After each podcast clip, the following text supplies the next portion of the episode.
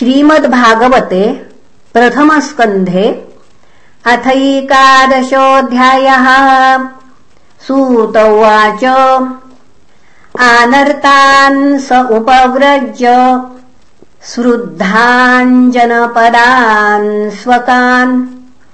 दध्मौदरवरम् तेषाम् विषादम् शमयन्निव स उच्चकाशे धवलोदरोदरोऽप्युरुक्रमस्याधर शोणशोणिमाम् दाध्मायमानः करकञ्जसम्पुटे यथाब्जषण्डे कलहंस उत्स्वनः तमुपश्रुत्य निनरम् जगद्भयभयावहम् प्रत्युद्ययुः प्रजाः सर्वा भर्तुर्दर्शनलालसाः। तत्रोपनीतबलयो रवेर्दीपमिवादृताः। आत्मा रामम् पूर्णकामम् निजलाभेन नित्यदा। प्रत्युत्फुल्लमुखा प्रोचुर्हर्षगद्गदया गिरा पितरम् सर्वसुहृदमवितारमिवार्भकाः न तास्मते नाथ सदाङ्घ्रिपङ्कजम्। विरिञ्च वैरिञ्च सुरेन्द्रवन्दितम्। परायणम् क्षेममिहेच्छताम् परम् न यत्र कालः प्रभवेत्परः प्रभुः। भवायनस्त्वम् भव विश्वभावन। त्वमेव माताथ सुहृत्पतिः पिताम्। त्वम् सद्गुरुर्नः परमम् च दैवतम्। यस्यानुवृत्त्या कृतिनो बभूविम अहोसनाथा भवता स्म यद्वयम्। त्रैविष्टपानामपि दूरदर्शनम्। प्रेमस्मितस्निग्धनिरीक्षणाननम्। पश्येमरूपम् तव सर्वसौभगम्। यर्ह्यम्बुजाक्षापससारभो भवान् कुरुन्मधुन्वाथ सुरुद्दिदृक्षयाम् तत्राब्धकोटिप्रतिमक्षणो भवेद्। रविम् विनाक्ष्णोरिव नस्तवाच्युत। इति चोदीरिता वाचः प्रजानाम् भक्तवत्सलः शृण्वानोऽनुगृहम् दृष्ट्या वितन्वन् प्राविशत्पुरीम् मधुभोजदशार्हार्ह कुकुरान्धकवृष्णिभिः आत्मतुल्यबलैर्गुप्ताम् नागैर्भोगवतीमिव। सर्वर्तु सर्वविभव पुण्यवृक्षलताश्रमैः वृतपदमाकरश्रियम् गोपुरद्वारमार्गेषु कृतकौतुकतोरणाम् चित्रध्वजपताकाग्रैरन्तः प्रतिहतातपाम् सम्मार्जितमहामार्ग अध्यापणक च त्वराम् सिक्ताम् गन्धजलैरुक्ताम् फलपुष्पाक्षताङ्कुरैः द्वारि द्वारि गृहाणाम् च दध्यक्षतफलेक्षुभिः अलङ्कृताम् पूर्णकुम्भैर्बलिभिर्धूपदीपकैः निशम्य प्रेष्ठमायान्तम्। वसुदेवो महामनाः। अक्रूरश्चोग्रसेनश्च। रामश्चाद्भुतविक्रमः। प्रद्युम्नश्चारुदेष्णश्च। साम्बोजाम्बवती सुतः प्रहर्षवेगोच्छसितस्य यानासन भोजनाः वारणेन्द्रम् पुरस्कृत्य ब्राह्मणैः ससुमङ्गलैः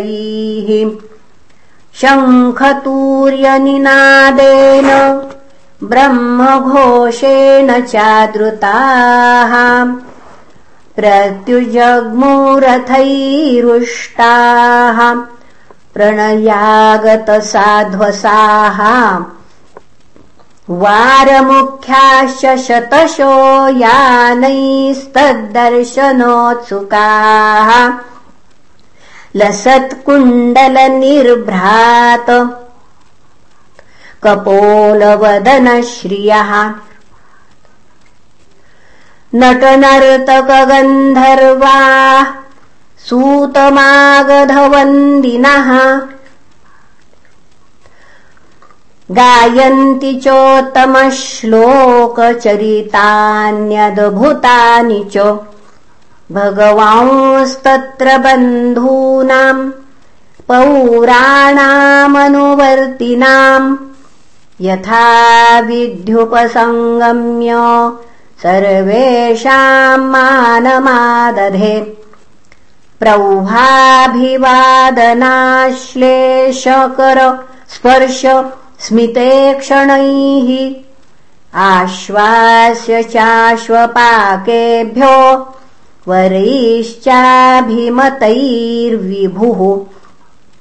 स्वयम् च गुरुभिर्विप्रैः सदारैस्थविरैरपि आशीर्भिर्युज्यमानोऽन्यैर्वन्दिभिश्चाविशत्पुरम्। राजमार्गम् गते कृष्णे द्वारकायाः कुलस्त्रियः। हर्म्याण्यारुरुहुर्विप्र तदीक्षणमहोत्सवाः नित्यम् निरीक्षमाणानाम् यदपि द्वारकौकसाम् नैव तृप्यन्ति हि दृश्य श्रियो धामाङ्गमच्युतम्। श्रियो निवासो यस्योर पानपात्रम् मुखम् वृषाम् बाहवो लोकपालानाम् सारङ्गाणाम् पदाम्बुजम् सितातपत्रव्यजनैरुपस्कृतः प्रसूनवर्षैरभिवर्षितः पथि विषङ्गवासावनमालया बभौ घनो यथार्कोडुपचापवैद्युतैः प्रविष्टस्तु गृहम् पित्रो परिष्वक्तः स्वमातृभिः ववन्दे शिरसा सप्त देवकी प्रमुखा मुदा। ताः पुत्रमङ्कमारोप्य स्नेहस्नुतपयोधराः। हर्षविह्वलितात्मानः शिशिचुर्नेत्रजैर्जलैः अथाविशत्स्वभवनम् सर्वकाममनुत्तमम् प्रासादायत्र पत्नीनाम् सहस्राणि च षोडश। पत्न्यः पतिम् प्रोषगृहानुपागतम् विलोक्य सञ्जातमनो महोत्सवाः उत्तस्थुरारात् सहसासनाशयात् साकम् व्रतैर्वीडितलोलनाननाः पुनः व्रतैर्व्रीडितलोचनाननाः तमात्मजैर्दृष्टिभिरन्तरात्मना दुरन्तभावाः परिरेभिरे पतिम्। निरुद्धमप्यास्रवदम्बुनेत्रयोर्विलज्जितीनाम् भृगुवर्यवैक्लवात्। यद्यप्यसौ पार्श्वगतो रहो स्तथापि तस्याङ्घ्र्ययुगम् नवम् नमम् पदे पदे काभिरमेत तत्पदाच्चदापि यत् श्रीर्न जहाति करिचित् एवम् नृपाणाम् क्षितिभारजन्मना मक्षौहिणीभिः परिवृत्ततेजसाम् विधाय वैरम् श्वसनो यथानलम् मिथो वधेनो परतो निरायुधः।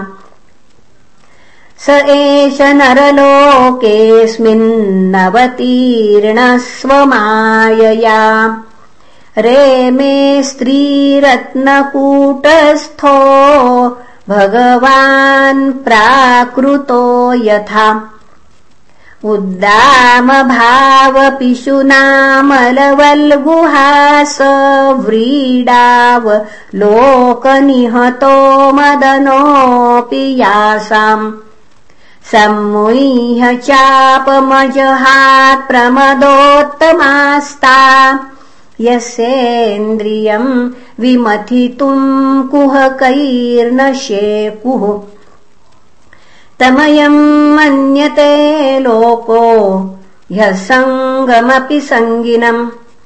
आत्मौपम्येन मनुजम् व्यापृण्वानम् यथो बुधः। एतदीशनमीशस्य प्रकृतिस्थोऽपि तद्गुणैः न युज्यते सदात्मस्थैर्यथा बुद्धिस्तदाश्रया। तम् मे निरे बलामूढा स्त्रैणम् चानुव्रतम् रुहः अप्रमाणविदो भर्तुरीश्वरम् मतयो यथा इति श्रीमद्भागवते महापुराणे पारमहंस्याम् संहितायाम् प्रथमस्कन्धे नैमिषीयोपाख्याने श्रीकृष्णद्वारकाप्रवेशो नाम एकादशोऽध्यायः। श्रीकृष्णार्पणमस्तु। हरये नमः हरये नमः हरये नमः